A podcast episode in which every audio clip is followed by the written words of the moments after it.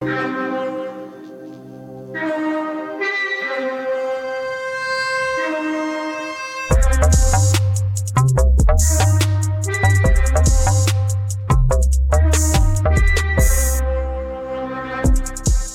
navn er Eskil Halberg, og jeg kalder mig selv for kommunist. Jeg længes efter et andet samfund, hvor vi kan være frie i fællesskab. Jeg hedder Laura Henne Blankholm, og jeg er lidt skeptisk over at kalde mig selv for kommunist. Men jeg tror på, at forandringer skal skabes nedefra. Vi er begge vokset op i den neoliberale kapitalisme som den eneste virkelighed. Men vi lever også i en tid med krise og voksende global ulighed overalt, hvor vi kigger hen.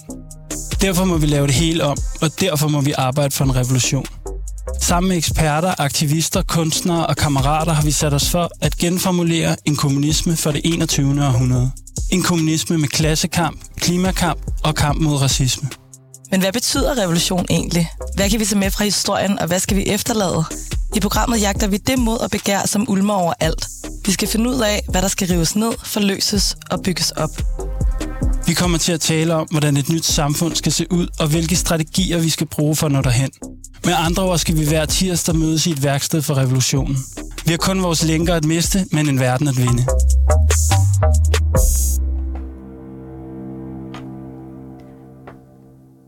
Velkommen til Revolutionen, en verden at vinde. Øhm, I 1953 der var Grønland ikke længere formelt en koloni, men i virkeligheden der blev landet bare indlemmet i Danmark. Og vi har tit talt om i programmet, hvordan neokoloniale strukturer øh, skaber global ulighed, men vi taler sjældent om Danmarks rolle.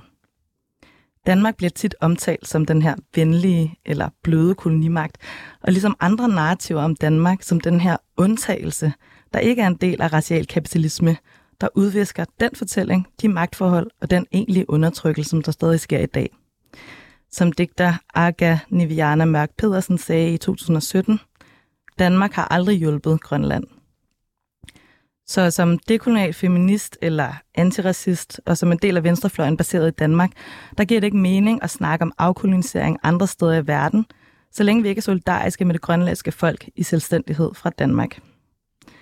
Så når vi taler om, hvad der er vigtigt for revolution og kampen for en anden verden, der må vi spørge, hvad afkolonisering af Danmark, øh, afkolonisering af Grønland vil sige i dag, og vi skal også snakke om, hvad vi kan bruge vores privilegier her fra Danmark til, og hvordan vores alliancer kan styrkes. Velkommen til.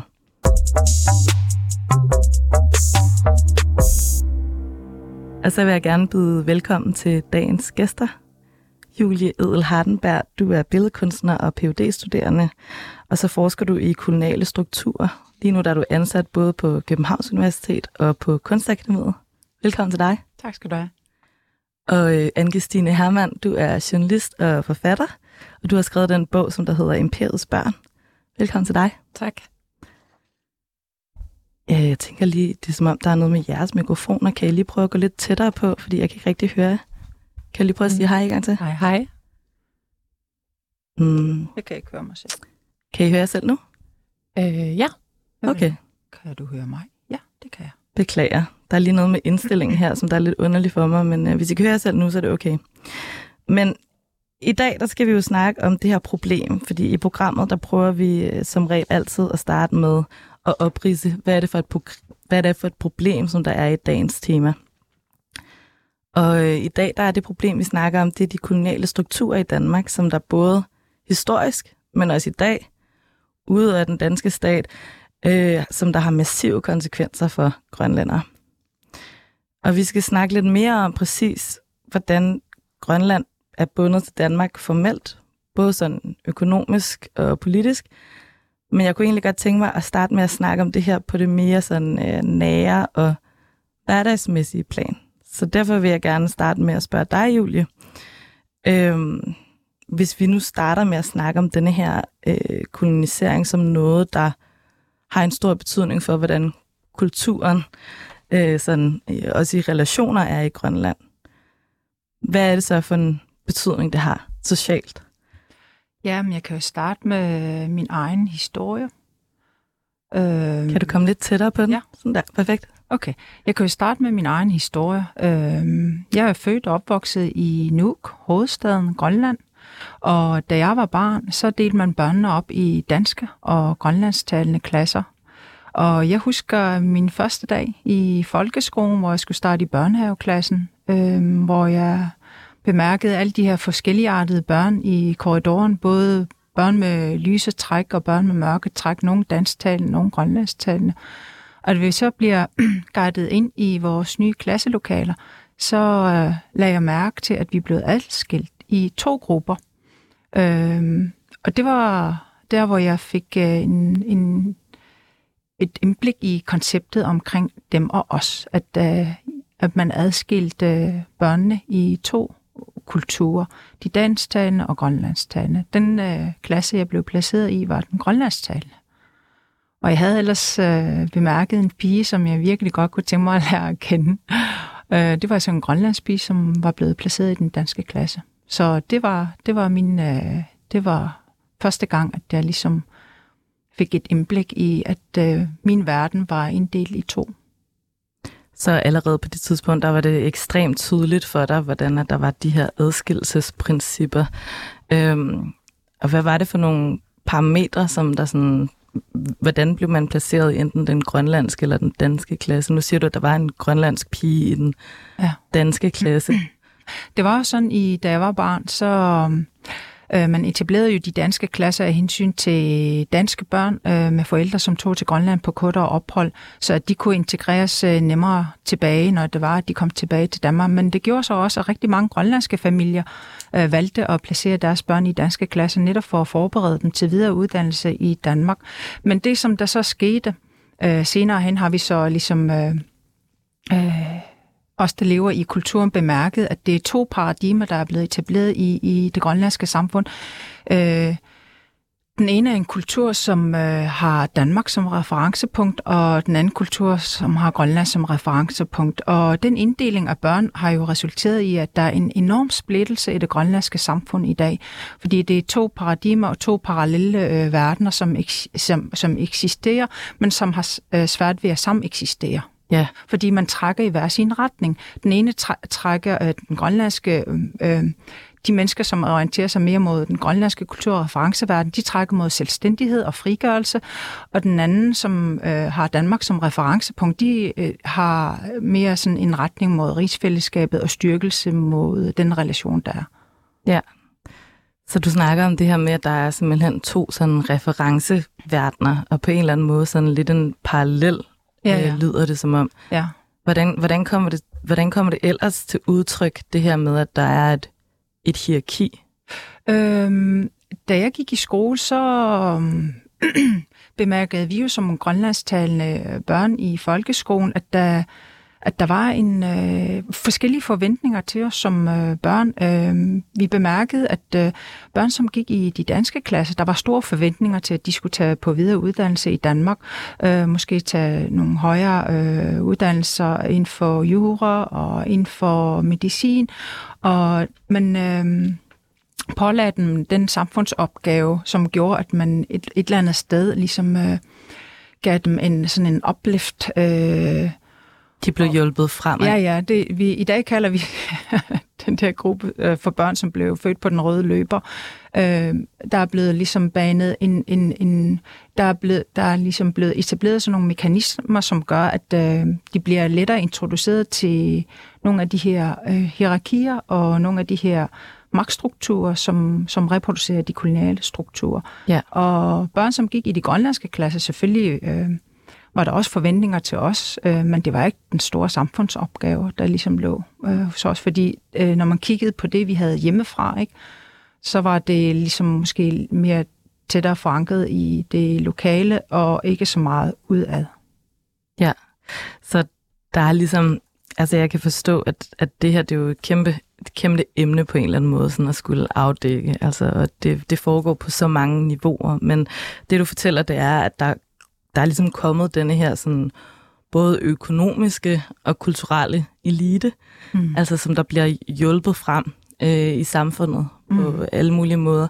Og hvis vi nu øh, snakker om, hvilke konsekvenser det så har haft for den grønlandske kulturelle identitet, at der er denne her at der har været den her opdeling mm. og den her... Ja. Øh... Men det er jo ikke fordi, at øh, vi imod, at folk skal ligesom lære sig det danske sprog eller tage på videreuddannelse i Danmark. Der, hvor det ligesom, der er sådan en missing link, det er jo, at øh, øh, vi oplever jo, at øh, den her magtstruktur, som tidligere har bestået af hvide danske mænd, nu er... Øh, udskiftet med grønlandsk udseende øh, borgere, men som stadigvæk begår sig i det samme paradigme, og som, som hverken kan sproget eller forstå hverken grønlandsk eller tale grønlandsk, og som på et eller andet plan reproducerer den koloniale tilgang til samfundet, netop fordi rigtig mange dansksprogede øh, grønlændere, som er veluddannede, øh, netop fordi manglen af det grønlandske sprog, så er de ikke ude i stand, så er de ikke i stand til at hente hverken viden eller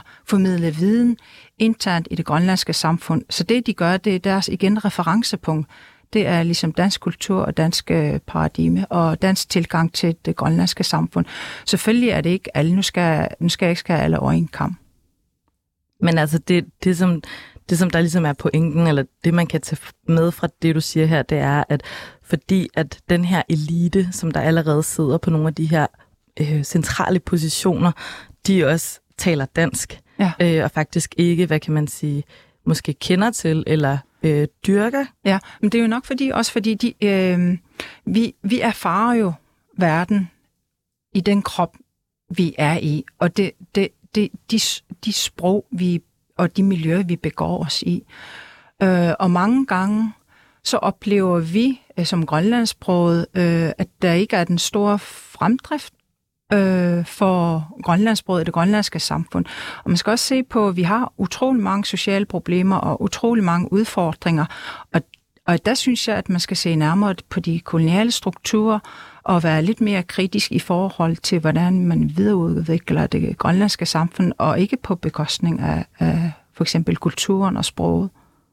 Så hvis nu, at, øh, at man talte grønlandsk, og man gerne vil have en ledende position eller ind på en arbejdsplads, vil man så kunne det? Det forudsætter faktisk, at uh, du skal være dobbeltsproget. Uh, dansksproget og grønlænder, de behøver ikke at beherske hverken grønlandsk uh, eller forstå grønlandsk for at kunne komme til at besidde nogle af de her positioner i samfundet, hvor grønlandssproget, de skal være dobbeltsproget. Så det var lidt i forhold til det her med øhm, det sproglige i forhold til kultur. Jeg synes også, det kunne være øh, spændende at åbne lidt for, inden vi går, lidt, åbne lidt op for, inden vi går videre, det her spørgsmål omkring sådan, hvilke nogle psykologiske konsekvenser det har, det her med at vokse op som andenrangsborger, eller blive gjort til, hvad kan man sige, en del af en identitet, som der på en måde er mindre værd. Ja, men, men øh, igen, så kommer vi igen til sproget. Øh, der, hvor man kan blive helt desillusioneret, det er jo faktisk, øh, når det er, at øh, netop fordi, at altså, vi er jo opdraget til at skulle gøre en forskel, vores generation. Lære dansk, tage på uddannelse i Danmark og vende tilbage og gøre en forskel. Og når, og når man så har gjort alt det rigtige, alt det, der skal til for at gøre en forskel, så møder man jo en, en mur af dansk kulturimperialisme i Grønland. Så enten indordner du dig og sikrer din karriere af den vej, eller så kan du risikere at blive blacklistet. Og det er jo faktisk et øh, almindeligt begreb, vi efterhånden bruger blandt landsmænd, som er samfundskritiske og kolonialkritiske. Øh, de har det med, at øh, man blokerer øh, deres muligheder for videre karrieremuligheder i Grønland. Og, og så vi bruger begrebet, han er blevet blacklistet, eller hun er blevet blacklistet. Og det kommer så til udtryk ved, at hvis man udtaler sig kritisk, så kan man for eksempel ikke få et arbejde? Øh, eller... Ja, det er specielt, hvis du er kritisk i forhold til den magtstruktur, der eksisterer i Grønland, hvor rigtig mange øh, embedsfolk øh, har en øh, dansk tilgang til at udvikle samfundet eller finde løsninger for det grønlandske samfund.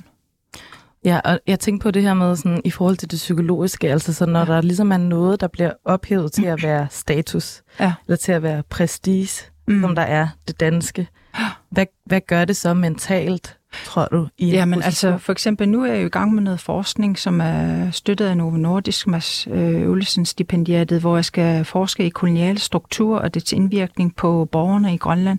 Min hypotese er jo, at øh, når man bliver født i et kolonial samfundsstruktur, så er det ikke altid, at man er bevidst om sin egen rolle i, i reproducering af de koloniale strukturer, fordi koloniale strukturer har det med at belønne øh, en vis adfærd, som passer ind i et kolonialt samfund.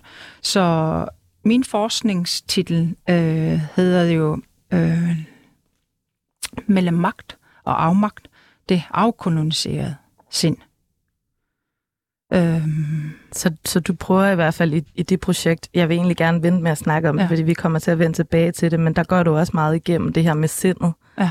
på en eller anden måde, og mm. det, det, som vi har snakket om som sådan internaliseret sådan, øh, racisme, som, mm. hvor man Mm-mm. nogle gange videre, viderefører ja. det, ja. reproducerer det. Ja. Øh, der hvor jeg ligesom har, jeg kommer jo selv fra sådan et øh, blandingsægteskab, og min mor valgte jo at sætte mig i en grønlandstalende klasse, selvom jeg havde det særlige privilegie at blive placeret i en dansk klasse. Så jeg har fået et andet indblik i det lokale samfund, og netop fordi jeg er et blandingsbarn, øh, så har jeg kunne indgå i nogle af de her miljøer blandt privilegerede blandingsbørn, som, som måske måske ikke nogle gange, eller i hvert fald min observation øh, igennem øh, min færden i det miljø, at de manglede et, et, et særligt indblik i, i nogle af de her miljøer, som hedder grønlandstalende grønlænder. Ja. Øhm, og det der med, der, der er masser af begreber, man kan snakke om øhm, i forhold til det der med, at øh, man føler sig entitled, øh, man føler sig... Ja, man er berettiget til Ja, man har, man har en anden berettigelse i det grønlandske samfund, særligt som enten etnisk dansker eller et blandingsbarn. Så ja. der er et hierarki, som man ikke taler om, ja. men som alle er bevidste om, fordi de ja. mærker det på deres ja. krop og sind. Og det er jo nogle af de ting, som jeg igen mit øh, kunstneriske arbejde prøver i talsætter, men, men vi har også et samfund, som er interesseret i at bibeholde status quo, og de her kritiske stemmer, de, de har det med ikke at få lov til at komme til, fordi det tror så mange positioner, privilegerede ja. positioner.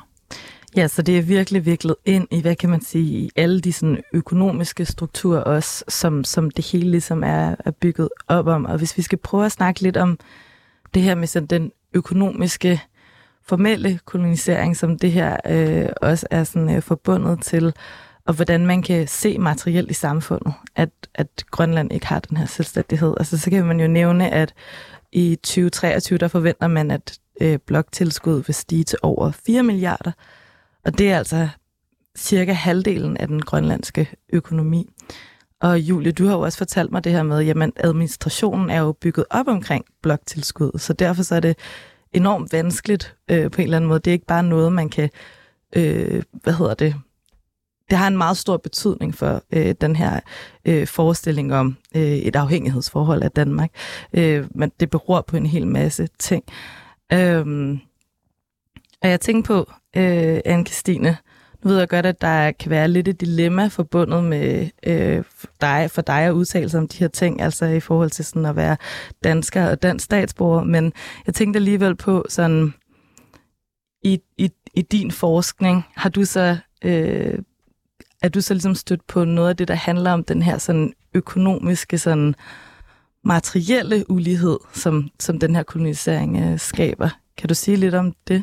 Jamen, jeg synes, det er ret uh, interessant, det Julie uh, taler om, fordi man kan jo se, at det, jeg tror i virkeligheden, de strukturer går, går langt tilbage historisk, eller det gør de tydeligvis, og, og der blev jo indført i, uh, i den moderniseringsperiode, jeg har beskæftiget mig med i midten af det 20. århundrede, blev der jo indført deciderede lønforskelle, alt afhængig af, om du var født i Grønland eller Danmark. Det var det, der hed fødestedskriteriet, og som var en enormt... Uh, Øh, Øh, et traume, tror jeg stadig, man kan sige for mange i befolkningen, der oplevede, at hvis du som grønlænder tog det samme arbejde som en dansker eller en dansk født, så fik du øh, langt mindre øh, for, øh, i løn for det samme arbejde.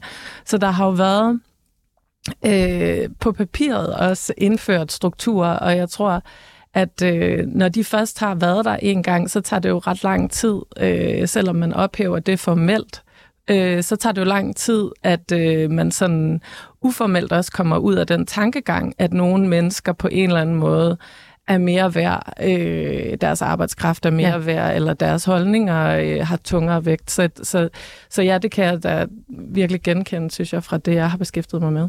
Ja, og måske skulle vi egentlig bare gå til det, fordi at øh, du har jo lovet, øh, Anne-Christine, at du gerne vil prøve at give os lidt en gennemgang, hvor du tager os igennem den her periode, som du især har beskæftiget dig med øh, i din bog, altså den her bog, Imperiets Børn, som der behandler den periode, hvor FN efter 2. verdenskrig ligesom pålægger kolonimagter at øh, give lande deres selvstændighed. Men det, der så sker i den her periode, øh, som, som din bog øh, dokumenterer belyser, det er, at øh, Grønland faktisk bliver indlemmet i Danmark.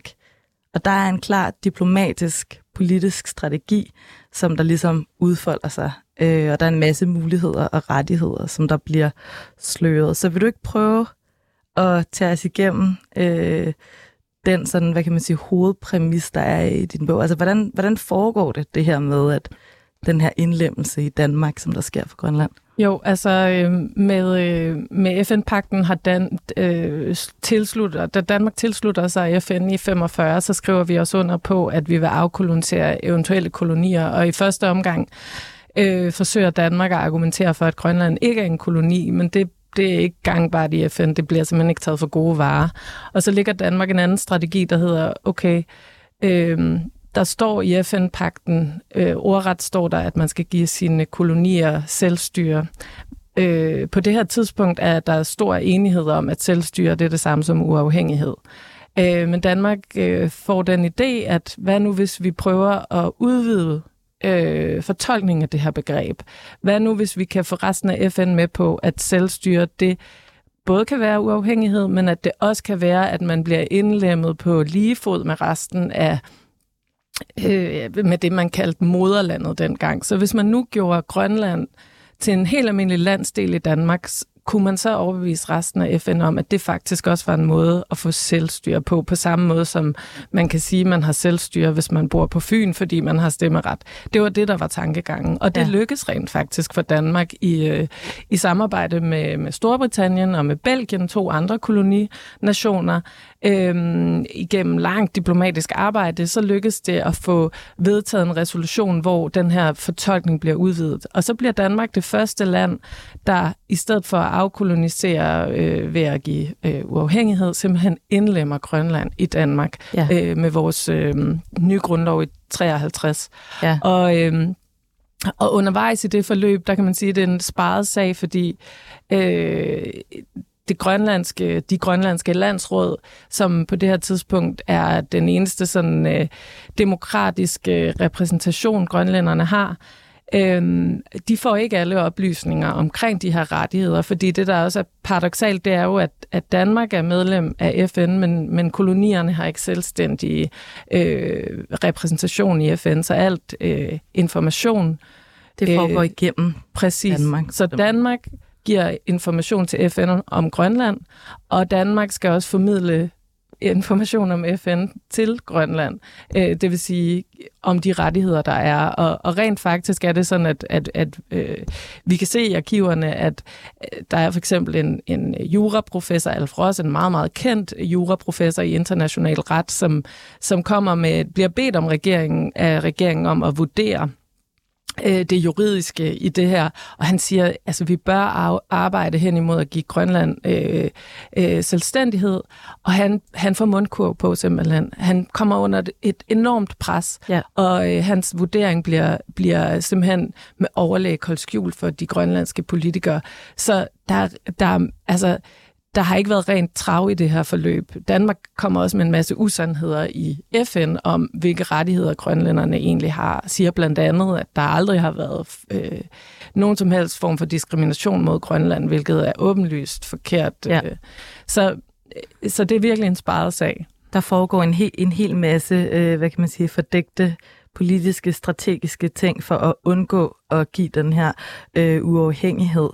Øhm, og du har jo også fortalt mig, at i forbindelse med den her indlemmelse, som der så sker i den her periode, der, er der, så, der foregår der så en modernisering, en, en fordanskning øh, i Grønland, og det er også på det her tidspunkt, at der sker noget af det, som der er blevet omtalt senere hen, så nogle af de mest sådan afgørende mm. overgreb. Altså. Det er det, der er, er så paradoxalt, det er, at, at formelt er det her fra øh, altså i 50'erne, i starten af 50'erne og frem, det er afkoloniseringsperioden.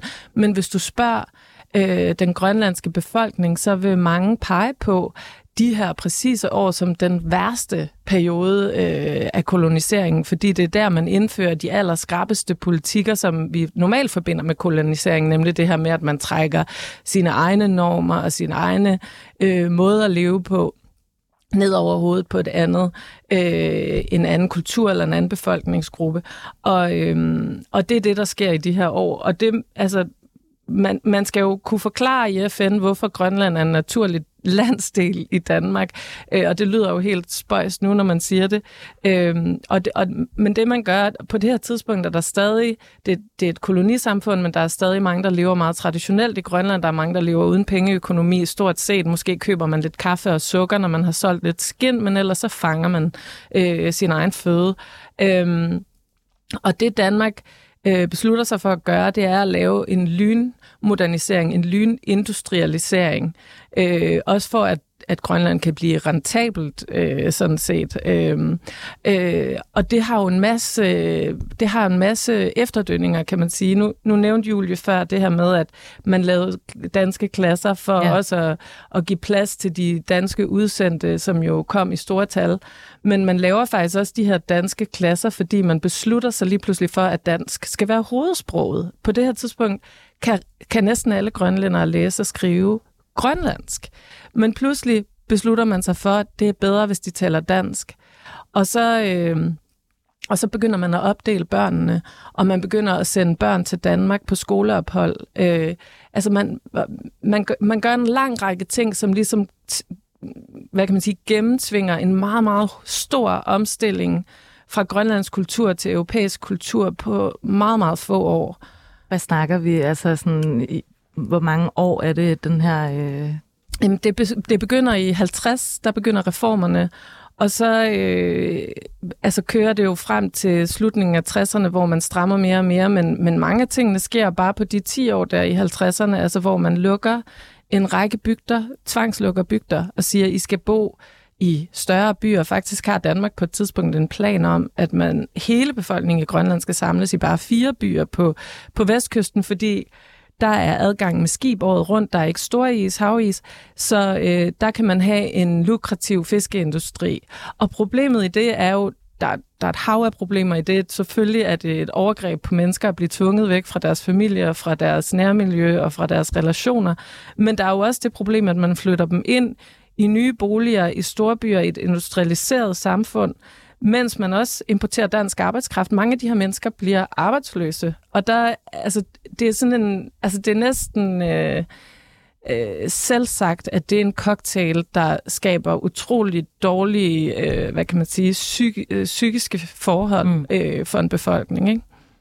Så bare lige for at øh, prøve at opsummere nogle af de ting, som du har sagt, altså så i den her såkaldte afkoloniseringsproces, øh, som, der, som der foregår, der sker der altså den her ekstrem sådan øh, hurtig øh, modernisering, som der indbefatter øh, tvangsflytninger, industrialisering, altså folk skal arbejde på fabrikker i stedet for øh, det her ja, samfund, som mange øh, tidligere havde levet, øh, hvor altså mange havde tidligere levet på den her måde. Øhm, og så importerer man altså også en masse danske arbejdere, ja som der I nævnte også tidligere, det her med, at de får faktisk mere løn. Ja. End, øh... Man har en idé om, at man har brug for håndværkere, og hvis man ser på, på kilderne fra den tid, så er der flere håndværkere, der, der udtaler sig i Grønland om, at ja, det er lidt underligt, at, at vi ikke tager os tid til at oplære grønlænderne i selv at hjælpe med at bygge de nye boliger, men vi har jo, der er så travlt, så man, så man importerer håndværkere, specialister og folk, der skal drive de nye fabrikker, og som skal stå for, for øh, alt det entreprenørarbejdet. Og, og mange af dem bliver hængende i Grønland, og de kommer til at, og de starter forretninger, og de, fordi det her det er også et tidspunkt, hvor man liberaliserer økonomien. Øhm, det har været en koloni før, ikke? og lige pludselig så bliver det en, en åben økonomi. Og så vokser der en overklasse frem af danskere i Grønland. Så du har en befolkning, som bliver flyttet fra små, øh, tætte samfund, hvor de tager sig af sig selv og hinanden, ind i store fremmede byer, nye typer af boliger. Børnene bliver øh, sendt øh, i skole på dansk, bliver sendt til Danmark, måske på skoleophold, øh, hvis de skal have nogen forhåbninger om ligesom at klare sig godt.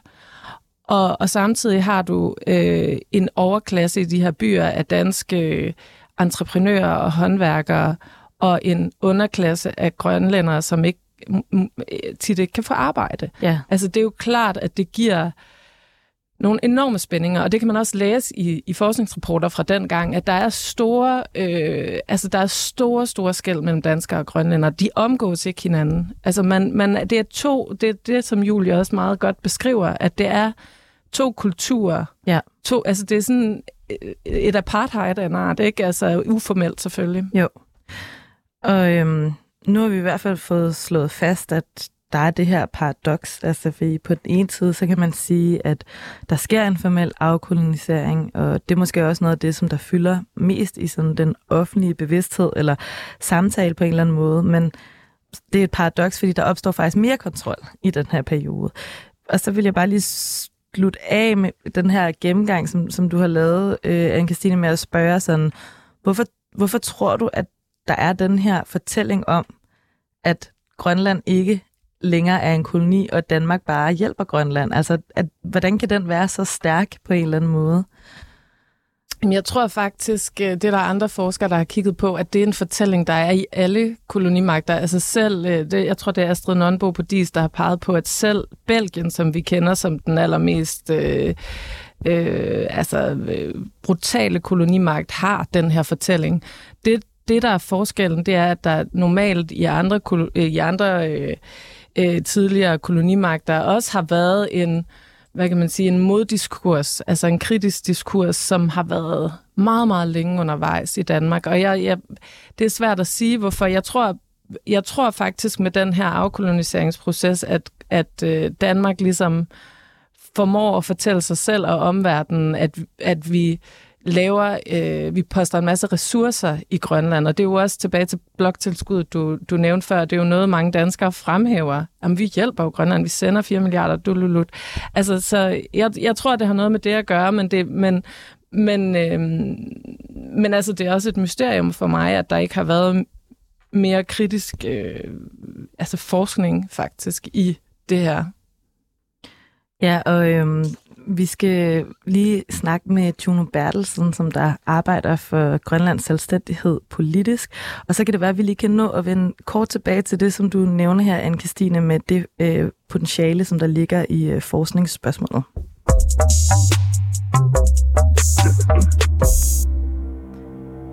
Fordi vi har nemlig øh, Juno Bertelsen med på en telefon. Hej Juno.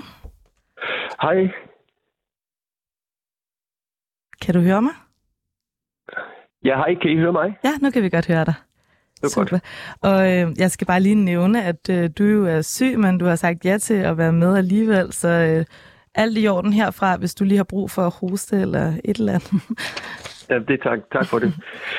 Men øh, Juno, du har jo netop stillet op til Folketinget for partiet Nalerak, og du arbejder for spørgsmålet for selvstændighed, øh, både sådan parlamentarisk øh, og politisk på alle mulige niveauer. Øhm, og vi har startet den her time med at tale lidt om, hvad er det for nogle problemer, som der opstår, øh, når Grønland stadig er indlemmet i Danmark. Og vi skal også snakke mere om, hvilke nogle strategier øh, kan vi benytte øh, for ligesom at yde modstand.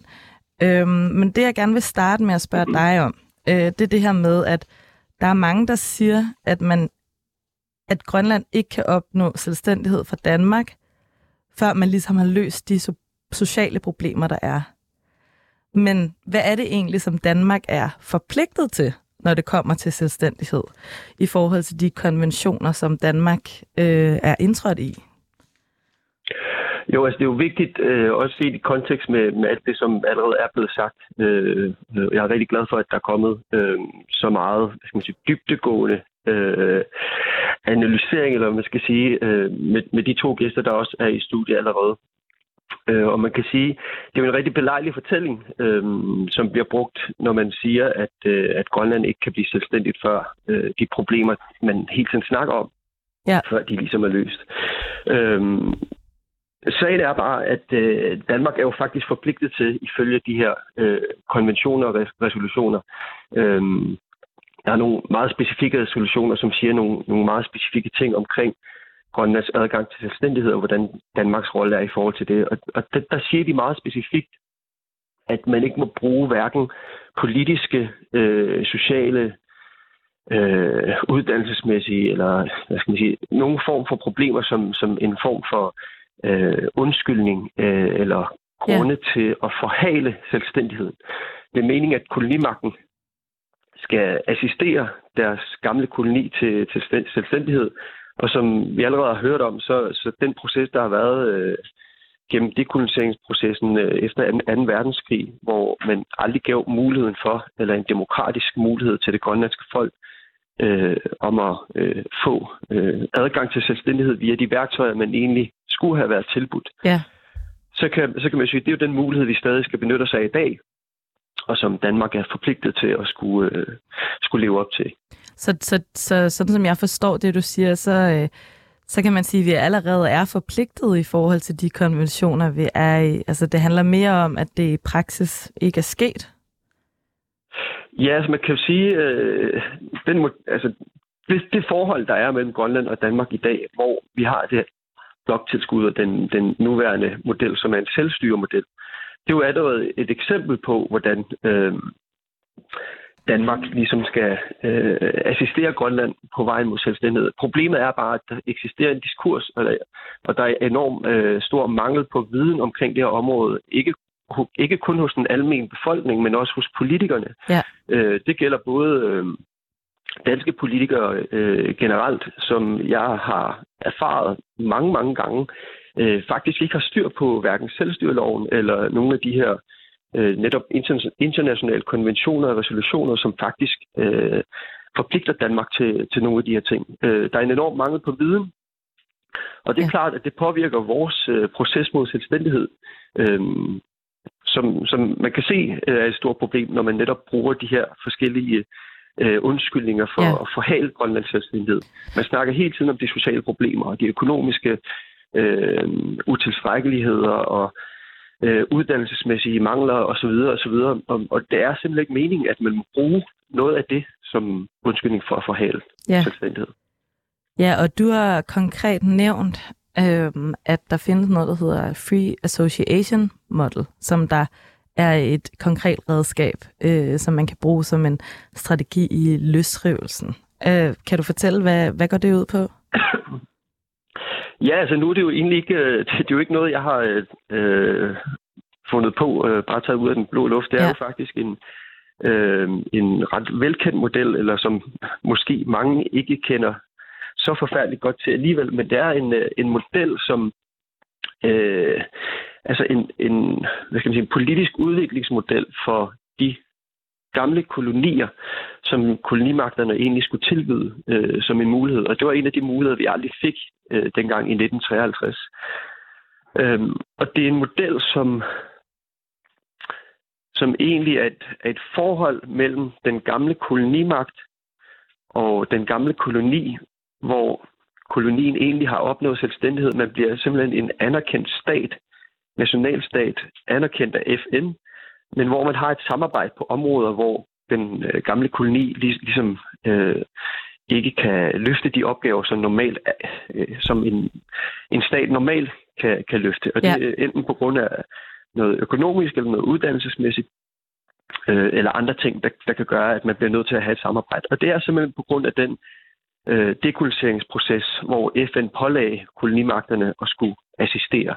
Øh, det er simpelthen på grund af den, at man har indført øh, det som en mulighed, og det står endda i selvstyreloven. Det står i selvstyreloven, at vi har den mulighed, og den, den mulighed har vi, fordi vi aldrig fik den præsenteret i 1953. Altså, så det, jeg skal bare lige forstå, hvad, hvad konsekvenserne af den uh, Free Association Model så vil være. Og det er simpelthen at blive anerkendt som en selvstændig nationalstat. Det vil være Jamen, udkommet.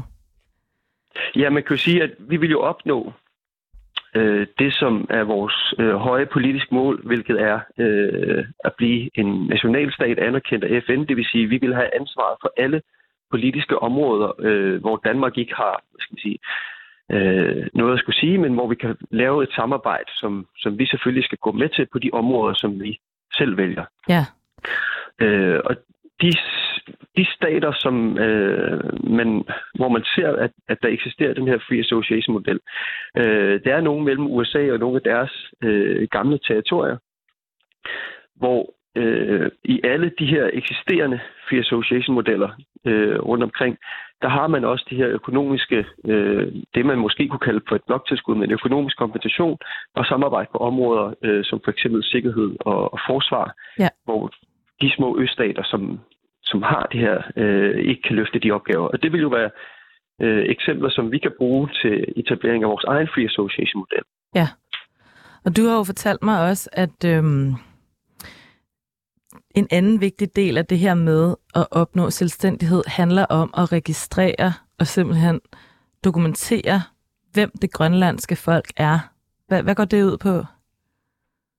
Jamen, det har noget at gøre med, at i, i selvstyreloven, som det står nu, eller i betænkningen til selvstyreloven, så står der jo, at øh, det er det grønlandske folk, som øh, bestemmer, hvornår Grønland skal blive selvstændigt. Øh, og, og i den proces, der bliver man jo nødt til at finde ud af, øh, hvem det grønlandske folk, øh, grønlandske folk egentlig er, fordi ja. der også står i selvstyreloven, at det ikke er det er ikke defineret, hvem det grønlandske folk er. Det vil sige, der er ikke nogen klar definition på, hvem der egentlig er grønlænder. Altså det er jo et problem, fordi vi i dag ser i de statistikker, som findes øh, i Danmarks og Grønlands øh, statistik, at de grønlændere, som for eksempel er registreret i Danmark, altså som grønlænder i Danmark, det er faktisk tit og ofte øh, helt op mod en tredjedel. Altså, man snakker meget om det der om, omkring 16.000 grønlænder i Danmark, men, men cirka 6.000 af dem, det er faktisk øh, to, øh, som, som eksempel to danske forældre, eller to danskere, som er flyttet til Grønland, og som har fået et barn i Danmark, og ja. så flyttet tilbage til Danmark. Okay. Det bliver faktisk registreret som grønlænder i Danmark. Øh, og det er fordi, der er ikke nogen def- klar definition på, hvad en grønlænder er. Men man tager simpelthen bare i, i, i det tilfælde, jeg snakker om her, der tager det bare udgangspunkt i, hvor det er, at du er født henne. Og det er jo et problem, fordi vi har nogle særlige rettigheder i kraft af vores, øh, hvad skal man sige, øh, af vores etnicitet og vores øh, historie som et tidligere koloniseret folk. Altså det er jo en klart afgrænset gruppe, som har været koloniseret og som tilbage i 53 aldrig fik mulighed for selvstændighed. Så de, op, øh, de rettigheder, vi har som et oprindeligt folk, øh, som man kalder det, de bliver forstyrret af, at vi ikke har en klar defineret, øh, eller en klar definition af, ja. hvem grønlænder er.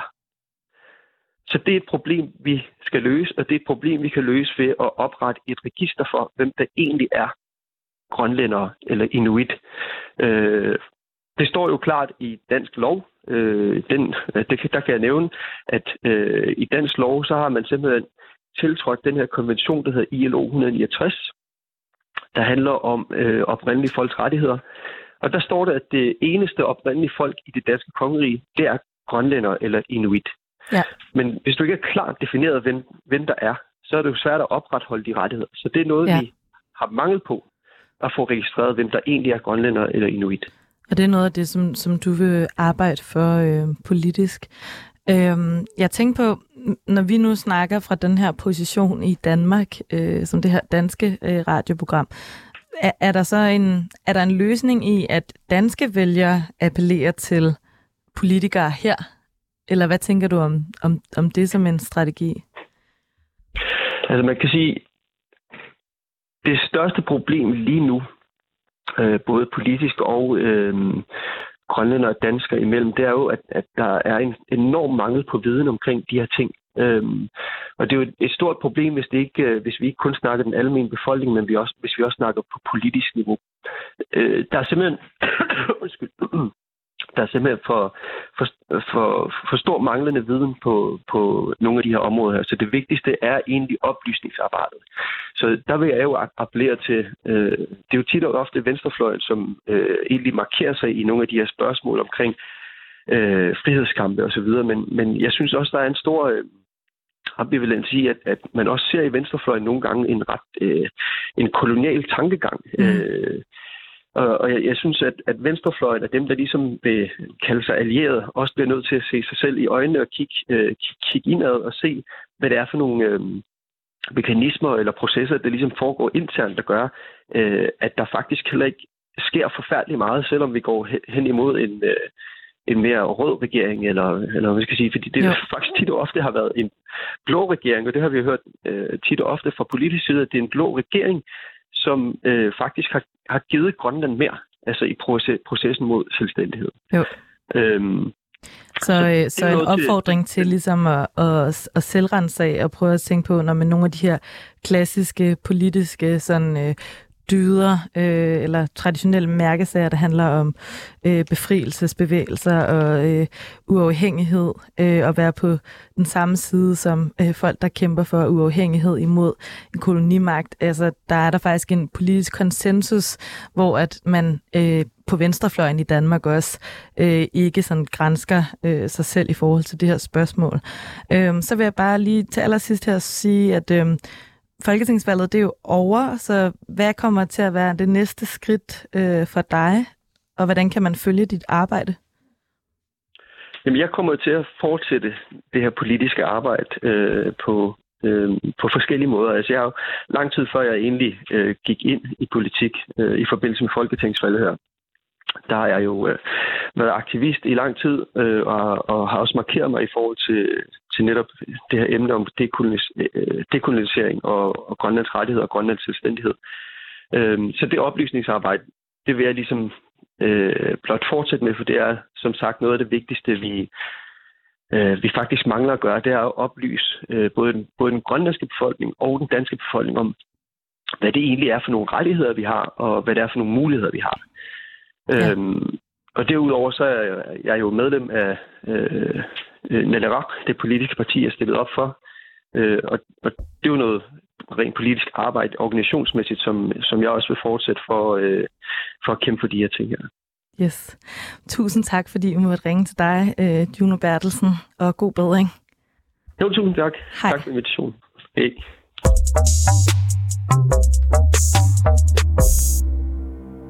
Nu har vi i hvert fald øh, i den her første time fået opridset både nogle af alle de sådan, øh, historiske betingelser, som der har forårsaget de sociale problemer, øh, vi ser i Grønland i dag, og tunge assimilation og manglende rettigheder.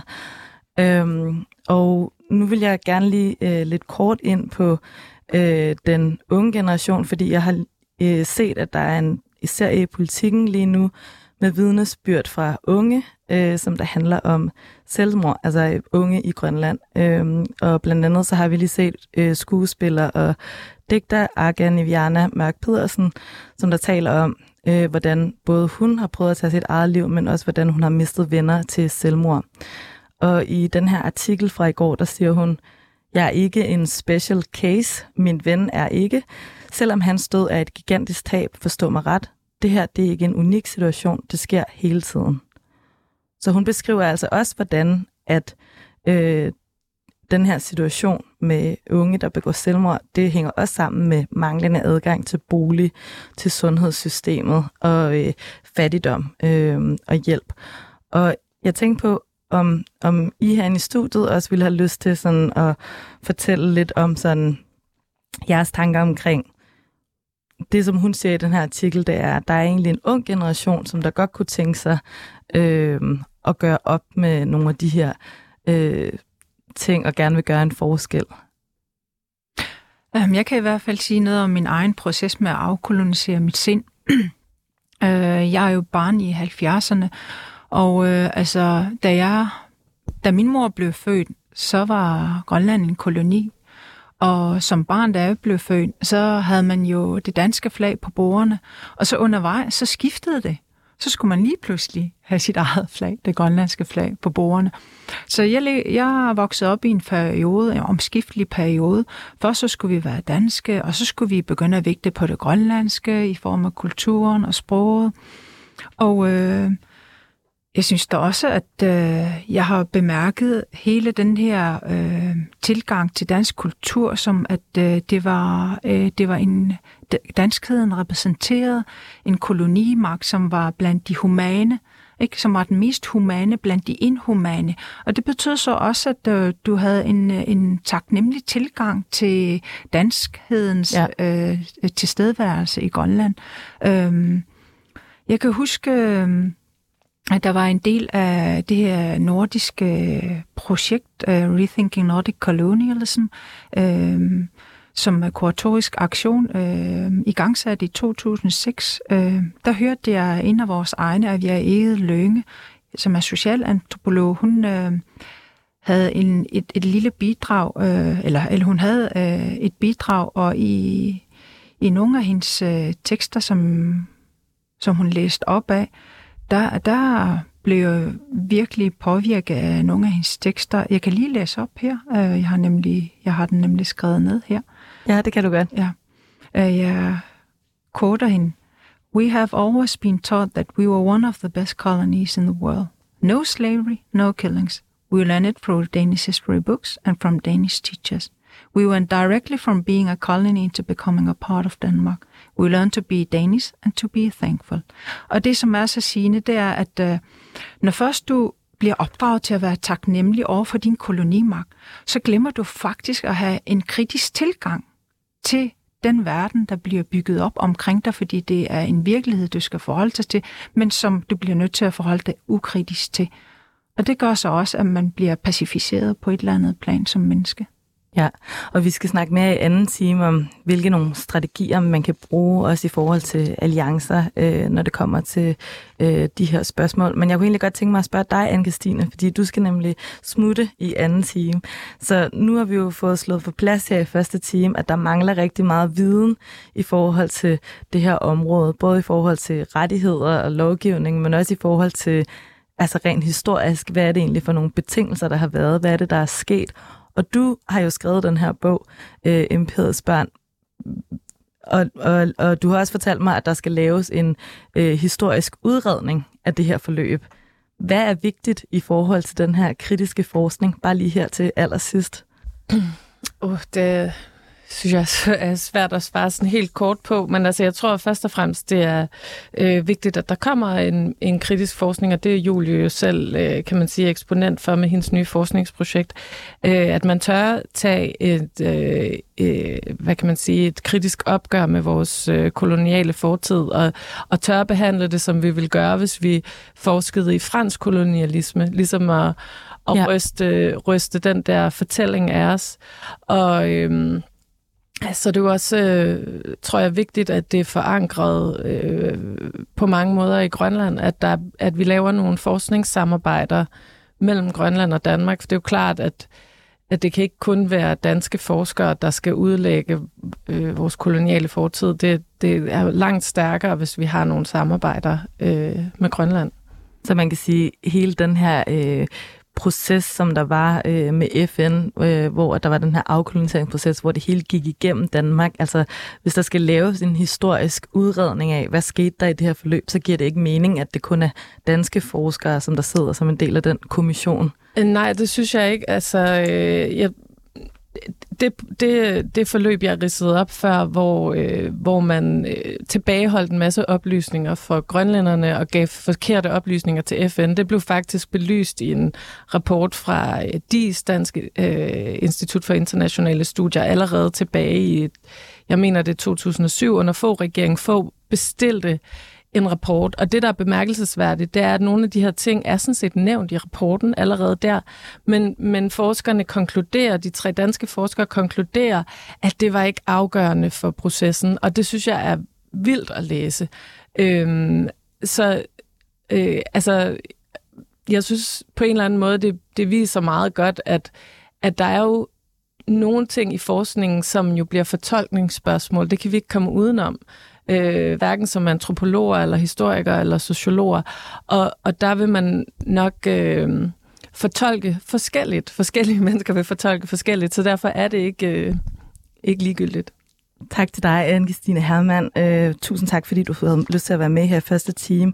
Og vi taler videre om strategier i anden time.